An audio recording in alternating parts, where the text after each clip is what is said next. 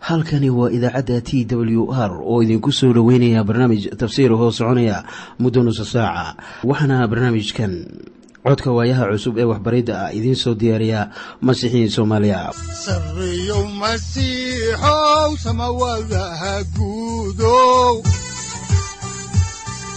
Siraadkii adduunkow subanaha eebow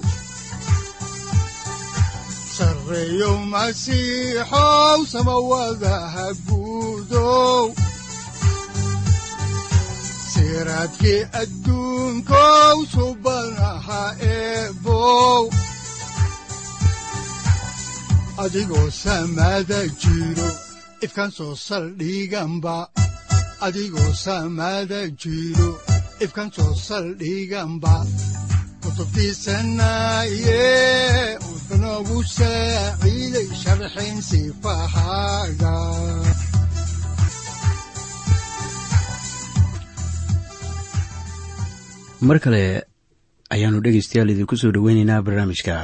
Waxaannu horey idiinku sii wadaynaa daraasaadka aynu ka soo xiganayno kitaabka quduuska ee aynu ugu magacdarnay dhexmarka kitaabka quduuska waa barnaamij aad ku baranaysaan kutubta baibalka uu ka kooban yahay haddii ay ahaan lahaayeen kuwii axdigii hore iyo kuwa axdiga cusub. Haddaba dhegaystayaal caawi waxaannu idiin sii wadi doonaa kitaabkii yeshuuca oo ahaa addoonkii rabbiga.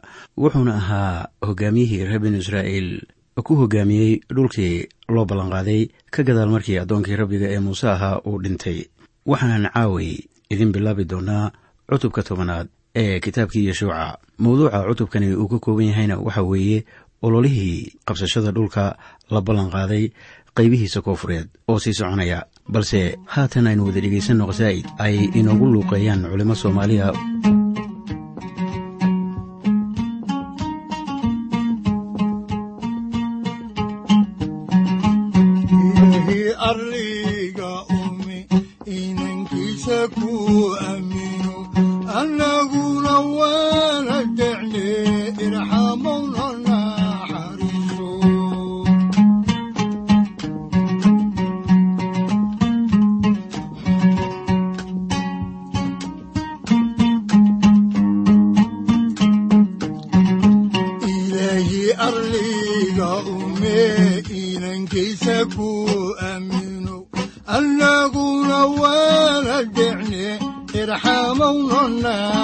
naxariiso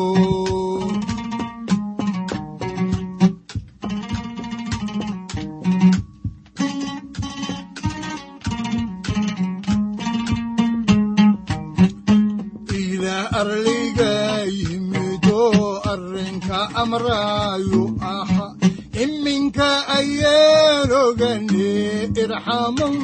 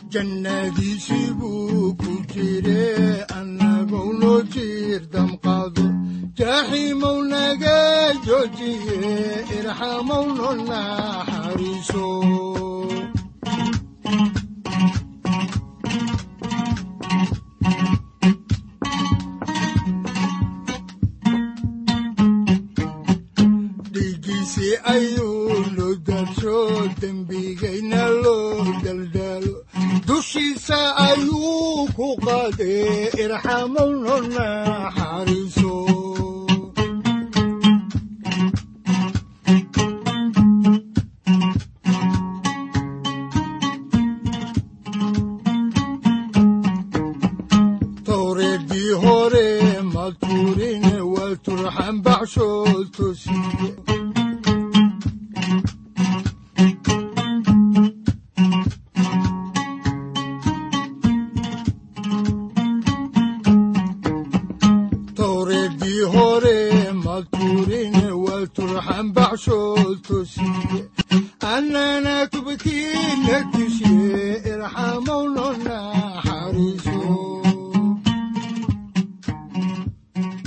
markiina ugu dambeysay waxaannu haddaba soo gunaanadnay cutubkii sagaalaad waxaanan haatan idiin bilaabaynaa dhegeystayaal cutubka tobanaad ee kitaabkii yeshuuca.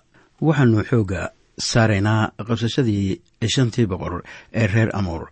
Markaasoo yeshuuca uu ololaha dagaal u jeediyey qaybaha koonfureed ee israa'iil wuxuuna dagaalka ku soo afjiray burburintii magaalooyinkii megido laakiish libnah cegloon iyo xebroon iyo weliba dibir. Cutubkan waxaa ku jira haddaba qisadii maalintii aadka u dheerayd haddaba su'aasha ay isweydiinayaan dadka wax kiritikaareeya ayaa cutubkan ku jirta oo waxa ay leeyihiin miyaa yeshuuca istaajiyey qoraxda. Haddaba hoos waxaa ku qoran sharaxaado qaar kuwaasoo khuseeya maalintii dheerayd ee yeshuuca oo la soo jeedinayo ama ay qabaan dadka wax karitikaareeya doodo badan ayaa haddaba laga dhiibtay qoraxda joogsatay sida ku qoran cutubka tobanaad aayadda sideedaad haddaba aan idiin soo koobo waxaana aanu ku bilaabaynaa kow qofkii koowaad oo isagu waxa uu leeyahay. Dhaqanka dadka qaar ayaa waxa ay tahay inay ka meermeertaan turjumada oo gebi ahaan way ismogeysiyaan oo waxa ay ka dhigaan sida inay tahay doodaan xiise lahayn. Dadka qaar ayaa waxa ay leeyihiin hadalka qoraxdan istaagtay waxa uu soo dhex galay luuqad gabaya. Waana turjumo aan cilmi ku dhisnayn in loo qaato in qoraxii ay istaagtay. Taasoo meesha ka saaraysa haddaba mucjisadii qoraxda kuwa sidaa rumaysan waxa ay cuskanayaan qorniinka. Kitaabka xaakinadii cutubka shanaad aayadda labaatanaad oo leh waxay kala diriireen xagga samada xidiguhuna meeshooday siisaaraa kala diriireen. Haddaba aniga igama ayan daadegin arrinkaa kore ama dooddaas la soo xigtay. Hormada labaad ayaa rumaysan in mucjisadani ay tahay mucjiso aan marinkeeda haysan waxaana ay aaminsan yihiin in lagu adkeeyey arrinka.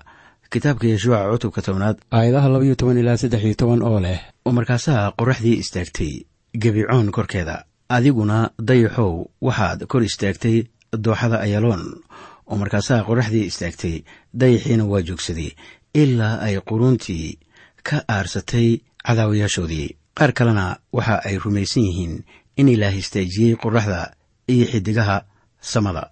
Waxa ay markaa ka dhigayaan maalintii dheereed ee yeshuuca. Sida ku qoran cutubka saddex iyo labaatanaad aayadda labaatanaad oo waxa ay ka dhigayaan maalintii dheerayd ee yeshuuca saddex iyo labaatan saacadood iyo labaatan daqiiqo. Afartanka daqiiqo waxa ay qabyo tirantay oo waxa ay noqotay afar iyo labaatan saac xilligii boqor xesakaya noloshiisa ama cimrigiisa la dheereeyey. Sida ku qoran boqorradii labaad cutubka labaatanaad aayadaha siddeed ilaa koob iyo toban qaarna waxay aaminsan yihiin in ilaa qoraxda madoobeeyey oo iftiinkii ay beeshay. Turjumadaha qaar ayaa leh qoraxdu inagu sug gebicoon haddaba turjumada ugu wanaagsan waa kuwa odhanaya afar iyo labaatanka saac oo lagu soo qabyo tiray markii xisakaya uu jiraday sida ku qoran kitaabka boqorradii labaad cutubka labaatanaad aayadaha siddeed ilaa koob iyo toban. Waxaanse markaa haatan u gudagelaynaa haddaba mucjisadii gebicoon haddaba waxaa mucjisadan sal u ah heshiiskii uu yeshuuca la dhigtay reer gebicoon dabcan ma ahayn in uu heshiiskan saxiixo laakiin wuu saxiixay wuxuuna dareensan yahay iminka in uu xajiyo wacadka uu galay. Haddaba waxaannu iminka haddaba u gudagelaynaa kitaabka yeshuuca oo qayb ka ah kutubta axdigii hore cutubkiisa tobnaad aayadaha hal ilaa afar waxaana qoran sida tan oo boqorkii yeruusaalem oo addooniy saadeq ahaa markuu maqlay sida uu yeshuuca aacii u qabsaday oo uu dhammaanteed u baabi'iyey iyo siduu yerixo iyo boqortooyooyinkiiba ku sameeyey oo uu haddana sidaasi oo kale ku sameeyey aacii iyo boqorkeediiba iyo siday dadkii gebicoon degganaa oo ku dhex jiray ula nabdeen reer binu israa'iil ayaa uu aad u cabsaday. Maxaa yeelay gebicoon waxa ay ahayd magaalo weyn sida mid ka mid a magaalooyinkii boqorrada. Waayo way ka sii weyneed aacii oo dadkeeda oo dhammuna waa xoog badnaayeen. Sidaas daraaddeed boqorkii yeruusaalem oo ahaa adonisadeq waxa uu u cidiray boqorkii xesboon oo ahaa hoyham iyo boqorkii yermuud oo ahaa firam iyo boqorkii laakiish oo ahaa yaafica iyo boqorkii cegloon oo ahaa dabiir oo waxa uu ku yidhi ii kaalaya oo icaawiya oo inakeena aynu gabicoon baabi'ine waayo waxa ay la nabaday yeshuuca iyo reer binu israa'iil. Haddaba boqoradaasi waxa ay maqleen heshiiskaas reer gabicoon ay la dhigteen reer binu israa'iil waxaana ay ku soo duuleen reer gabicoon waxaana ay doonayeen in ay burburiyaan magaaladooda. Haddaan markaa horey idinku sii wado meeriska ayaa waxaa ku qoran cutubka tobnaad aayadda shanaad ee kitaabka yeshuuca sida tan. Sidaasi daraaddeed shantii boqor ee reer amoor waa iswada urursadeen oo kuwaasi waxay ahaayeen boqorkii yeruusaalem iyo boqorkii xebroon iyo boqorkii yarmuud iyo boqorkii laakiish iyo boqorkii cegloon iyaga iyo ciidamadoodii oo dhammu kor bay u baxeen oo waxa ay hordegeen gebicoon oo dagaal ku qaadeen. Haddaba reer gebicoon maxay sameeyeen haddaan hore idiinku sii wado haddaba ayaa waxaa ku qoran cutubka tobnaad aayadda lixaad sida tan oo dadkii reer gebicoon waxa ay u cidirteen yeshuuca oo joogay xeradii gilgaal oo waxa ay yeshuuca ku yidhaahdeen gacantaadu iyay ka raagin addoommadaada noo soo dhaqso oona badbaadi oo nacaawi maxaa yeelay boqorradii reer amoor oo buuraha degganaa oo dhammu way isu kaayo urursadeen waxa ay haddaba caawimaad degdeg ah u dirsadeen yeshuuca oo waxa ay ku yidhaahdeen noo soo dhaqso. Haddaan horey markaa idinku sii wado meeriska ayaa waxaa ku qoran kitaabka yeshuuca oo qayb ka ah kutubta axdigii hore cutubkiisa tobnaad aayadaha toddoba ilaa sagaal oo leh. Sidaas daraaddeed yeshuuca waxa uu ka tegey gilgaal isaga oo ay la socdaan dadkii dagaalyahanada ahaa oo dhan iyo raggii xoogga lahaa oo dhammuba oo markaasaa rabbigu waxa uu yeshuuca ku yidhi iyaga ha ka cabsan waayo iyaga gacmahaagan kuu soo geliyey. Midkoodna isma kaa hortaagi doono. Oo sidaas daraaddeed yeshuuca ayaa ku soo kadiyey iyagii waayo habeenkii oo dhan buu ka soo guureynayay gilgaal. Yeshuuca ayaa haddaba u soo gurmaday iyada oo gundhiguna ahaa laba asbaab tan koowaadina waa heshiiskii kala dhexeeyey. Tan labaadina waxay ahayd sidii loo sheegayba in cadowga la baabi'iyo. Dagaal kadis ah buuna ku soo qaaday. Haddaan markaa horey idinku sii wado kitaabkan yeshuuca ayaa waxaa ku qoran cutubka tobanaad aayadaha labaiyo toban ilaa afariyo toban sida tan. Markaasaa yeshuuca rabbiga la hadlay maalintii rabbiga reer amoor u dhiibay oo waxa uu reer binu israa'iil hortooda ka yidhi qoraxday istaag gabicoon korkeeda adiguna dayaxow waxaad kor istaagtaa dooxada ayaloon oo markaasaa qoraxdii istaagtay. Dayaxiina waa joogsaday ilaa ay quruuntii ka aarsatay cadaawiyaashooda tanu miyaanay ku qornayn kitaabkii yaashaar oo qoraxdii waxa ay joogsatay samada dhexdeeda. Umana ay daadegin in ay hoos u dhacdo maalin dhan. Oo maalintaas maalin la mid ahu kama horrayn kamana dambayn ee uu rabbigu maqlay nin codkiis. Waayo rabbigu waxa uu u diriray reer banu israa'iil. Waxaan haddaba horey uga soo hadalnay turjumaado dhowr ah oo khuseeya maalintii dheerayd ee yeshuuca waana markii aynu bilaabaynay cutubka. Haddaba sida ku qoran ama ku xusan yeshuuca cutubka tobanaad aayadda labaiyo tobanaad anigu waxaan rumaysanahay in ilaah istaajiyey dayaxa iyo qoraxda si mucjisadani ay u ahaato qoraxdii way istaagtay waayo yeshuuca waxa uu u baahnaa iftiin si uu ku sii dagaalamo. Ilaahna waxa uu istaajiyey wax kasta oo iftiima ee samada sare ku jira wuxuuna kolkii qoraxda ku dhimay dabaylo baraf wata oo xagga samada ka yimid. Ilaahna waxa uu qoraxdii u istaajiyey si yeshuuca dagaalka uu ugu guulaysto nin rofesora ayaa mar waxa uu yidhi wax caqligal ah maahan in ilaah koonka oo dhan u joojiyo hal nin dartiis. Haddaba dadka qaar bay ula muuqataa waxaan macquul ahayn laakiin haddaba ilaah sidaas ayaa uu sameeyey oo waxa uu joojiyey masaafadii qoraxda iyo dayaxa. Waxaa kaloo uu dunidan u soo diray wiilkiisa si uu ugu dhinto dembiilayaasha taasoo ka sii yaab badan qoraxdan istaagtay. Markii ilaah haddaba joojiyey qoraxda waxa uu muujiyey xigmaddiisa iyo awooddiisa markii uu wiilkiisa u soo diray dunida si uu dad u noqdo dabadeetana isku tallaabta ku dhinto taasoo markaa ilaah uu inoogu muujiyey jacaylkiisa. Haddii aad tahay haddaba qofka keliya ee abi dunida yimid masiixu adiga ayaa uu ku dhintay ninkan brofesoorka ahaa waxa uu leeyahay taasina macquul maahan laakiin waa macquul. Taasina waxa ay ku timaadaa nimcada ilaah sida ku qoran ama qorniinku leeyahay. Markaannu eegno warqaddii efesos cutubka labaad ayadaha siddeed ilaa sagaal oo leh. oo waxaynu ku badbaadnay nimco xagga rumaysadka ah mana ahan wax xaggiina ka yimi laakiinse waa hadiyadda ilaah. Mana ahan xagga shuqullada si aan ninna ugu faanin. Haatanna waxaannu soo gaarnay maaddada kale ee guushii maqeeda ah. Haddaan mar kale haddaba meeriska cutubka halkii idiinka sii wadno ayaa waxaa ku qoran kitaabkii yeshuuca cutubka tobnaad aayadaha shan iyo toban ilaa sagaal iyo toban oo leh. Markaasaa yeshuuca iyo reer binu israa'iil oo dhammu waxa ay ku noqdeen godkii ku yiilay meeqaada ah oo markaasaa yeshuuca loo sheegay oo waxaa lagu yidhi shantii boqor waxaa la helay iyaga oo ku qarsoon god ku yaalla maqeeda ah markaasuu yeshuuca yidhi dhagaxyo waaweyn ku giraangiriya godka afkiisa oo rag dhowr ahna ag taaga. Laakiinse intiina kale ha joogsanina oo cadaawayaashiinna eryada oo laaya intooda ugu dambaysa oo ha u oggolaanina in ay galaan magaalooyinkooda. Waayo rabbiga ilaahiinna ah ayaa iyaga gacanta idiin geliyey. Xusuuso haddaba in boqoradan iyo dadkooda la siiyey afar boqol iyo labaatan sano inay maskaxdooda beddelaan oo ay ilaah u soo leexdaan ama iska diidaan. Ilaahna ma uusan qarinin inuu dhulka siinayo israa'iil iyo inuu badbaadinayo mid waliba ee isaga u soo leexda. Waxa ay ahayd haddaba in israa'iil dalka dibadda ka joogto muddo afar boqol iyo labaatan sannadood ah inta reer amoor dembigooda uu ka buuxsamayo wakhtigii ayaa haatan buuxsamay. Ilaah baa reer binu israa'iil soo dhaafsiiyey badda cas taasina wax ay iyaga la yimaadeen ama u qalmeen ma ahayn. Laakiin waxay ahayd in furashada ilaah lagu muujiyo awoodda dhiigga fiyaaradaha albaabada reer binu israa'iil la mariyey. Ma ahayn oo keliya in lagu qanciyo masaarida inuu jiro ilaah run ah oo baaqi ah dalka masar. Laakiinse waxay kaloo ahayd in la qanciyo dadka dhulka deggan.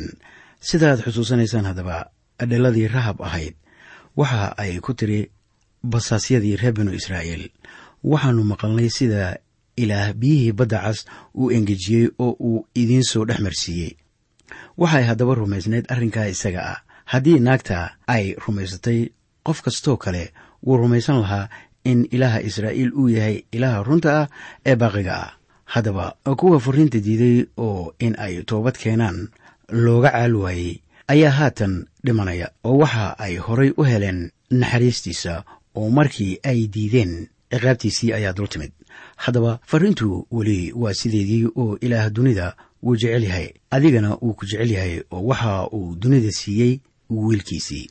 Haddii aad isaga rumaysan tahay marnaba lagu halaagi maayo haddaba miyaad dhimanaysaa ama lagu halaagayaa haddaadan ilaah rumaysnayn. Jawaabtu waxa ay tahay haa taasina waa waxa ku dhacay haatan reer amoor. Waayo iyagu ilaah ma aysan rumaysnayn. Iminka waxaa laga yaabaa haddaba inaanay kula wanaagsanayn waxa ku dhacay reer amoor. Laakiin sidan baa qorninku leeyahay oo waxaana aan idinka akhriyayaa kitaabka yeshuuca cutubka tobnaad aayadaha afar iyo labaatan ilaa shan iyo labaatan sida tan. Oo markii ay boqoradii u keeneen yeshuuca ayaa uu u yeeray raggii reer binu israa'iil oo dhan oo waxa uu raggii dhallinyarada ahaa oo isaga raacay madaxoodii ku yidhi soo dhowaada oo boqoradan qoorta kaga joogsada oo kolkaasay soo dhowaadeen oo boqorradii qoorta kaga joogsadeen. Markaasaa yeshuuca waxa uu iyagii ku yidhi ha cabsanina hana qalbi jebina xoog yeesha oo aad u dhiiranaada waayo rabbiga sidaasuu u geli doonaa cadaawayaashiinna aad la diriraysaan oo dhan waxaa hadda dagaalka soo qaadaya boqorro is urursaday. Afartan sannadood ka hor wakhtigan waxa ay ka cabsiiyeen basaasyadii oo markii ay muuse u keeneen warbixintii yidhi innagu ma geli karno dhulkaas oo awood uma lihin inaan dhulkaas qabsanno. Yeshuuca waxaa la socday haddaba ammaanduulaha ciidamada rabbiga oo waxa uu xoogeeyey niyaddii yeshuuca.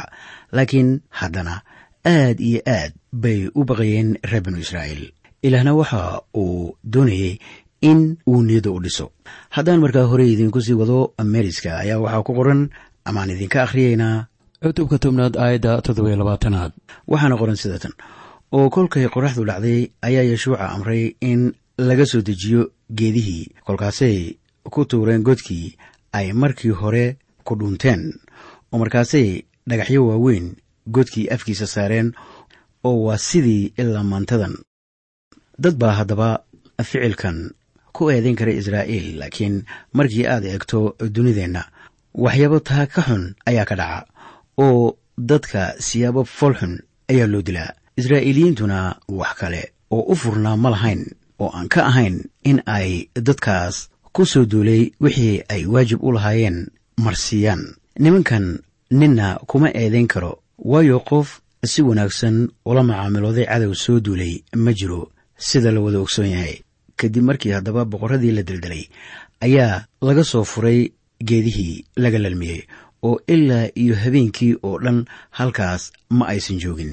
Sababtuna waxaa weeye sharciga ayaan ogolayn sida ku qoran kitaabkii sharciga ku noqoshadiisa cutubka koob iyo labaatanaad aayadda saddex iyo labaatanaad oo leh oo haddii nin galo dembi dhimasho istaahila oo isaga la dilo oo aad geed ka soo daldashaan jidhkiisa meydka ah waa inaan habeenka oo dhan geedka lagu dayn. Laakiinse hubaal waa in isla maalintaas aad astaan si aydan ku nijaasayn dalka uu rabbiga ilaahayna ahu dhaxal idiin siiyey. Maxaa yeelay mid kasta oo geed ka soo daldalanu waa inkaaran yahay xagga ilaah. Waxaa haddaba laynoogu sheegay warqaddii reer galaatiya cutubka saddexaad aayadda saddex iyo tobanaad. Wax ku saabsan masiixa markii uu dembiyadeennu u dhintay oo waxaa qoran masiixu wuxuu inaga furtay inkaartii sharciga isaga uu inkaar inoo noqday. Waayo waxaa qoran mid kasta oo geed ka soo deldelanu waa inkaaran yahay. Masiixuna boqor buu ahaa oo geed laga soo laadlaadiyey. Haddaan markaa soo gunaanadno cutubka ayaanu haatan eegaynaa cutubka tobnaad aayadaha koob iyo afartan ilaa saddex iyo afartan.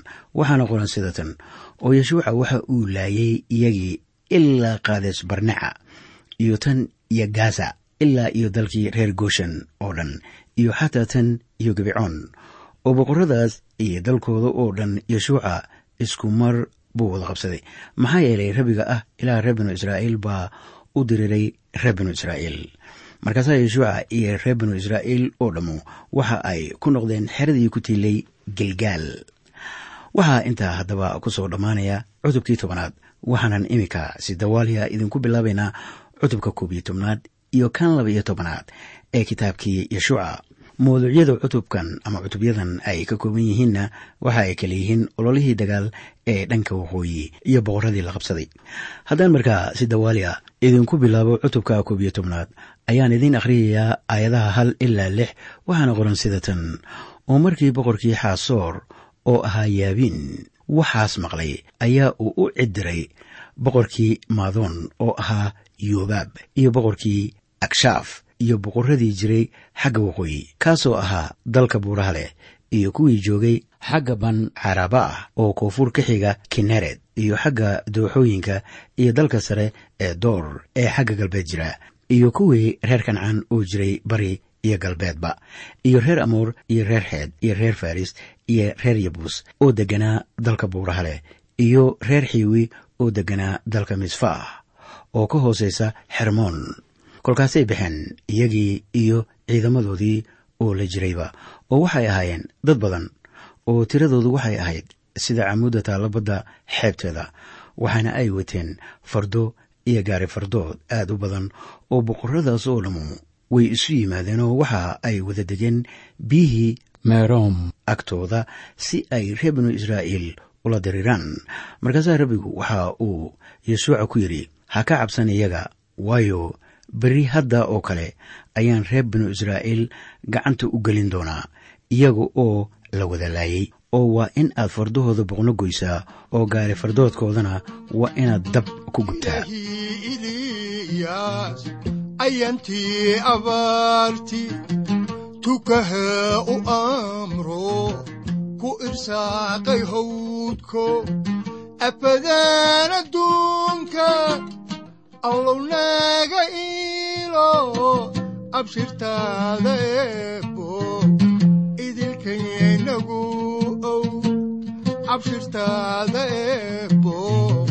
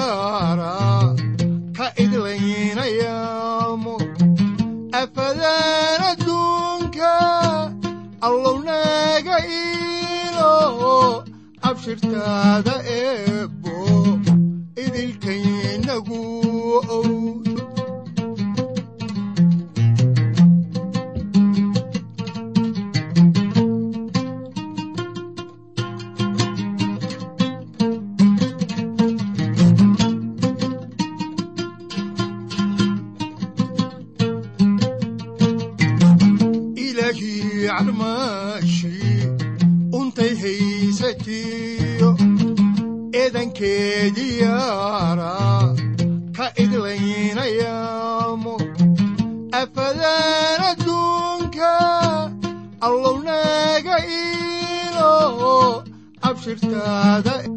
abshirtaada eebbo idilkaynagu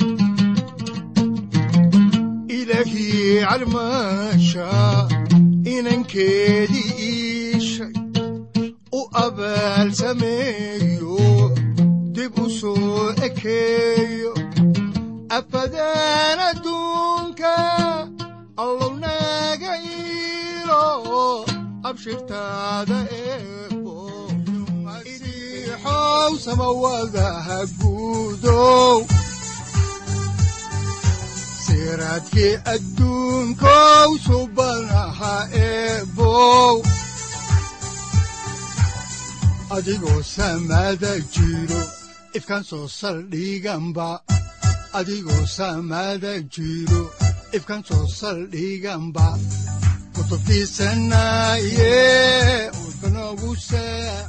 halkani waa t w r idaacadda t w r oo idinku leh ilaa ha idin barakeeyo oo ha idinku anfaco wixii aad caawi ka maqasheen barnaamijka. Waxaa barnaamijkan oo kalea aad ka maqli doontaan habeen dambe. Hadahan oo kale haddiise aad doonaysaan in aad fikirkiina ka dhiibataan wixii aad caawi maqasheen ayaad nagala soo xiriiri kartaan som t w r at t w r c o k e haddii aad doonaysaan in aad dejisataan oo kaydsataan barnaamijka ama aad mar kale dhegaysataan fadlan mar kale booqo www t w r o r g. Amase www t t b t w r o r g.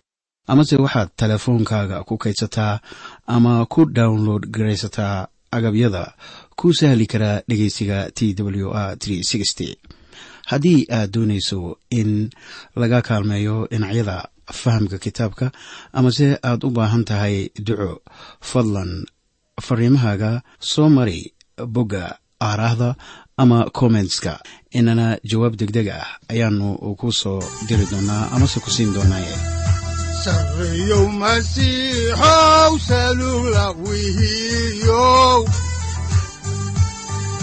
saacadda timid dhulka sabada ku dhalatiyo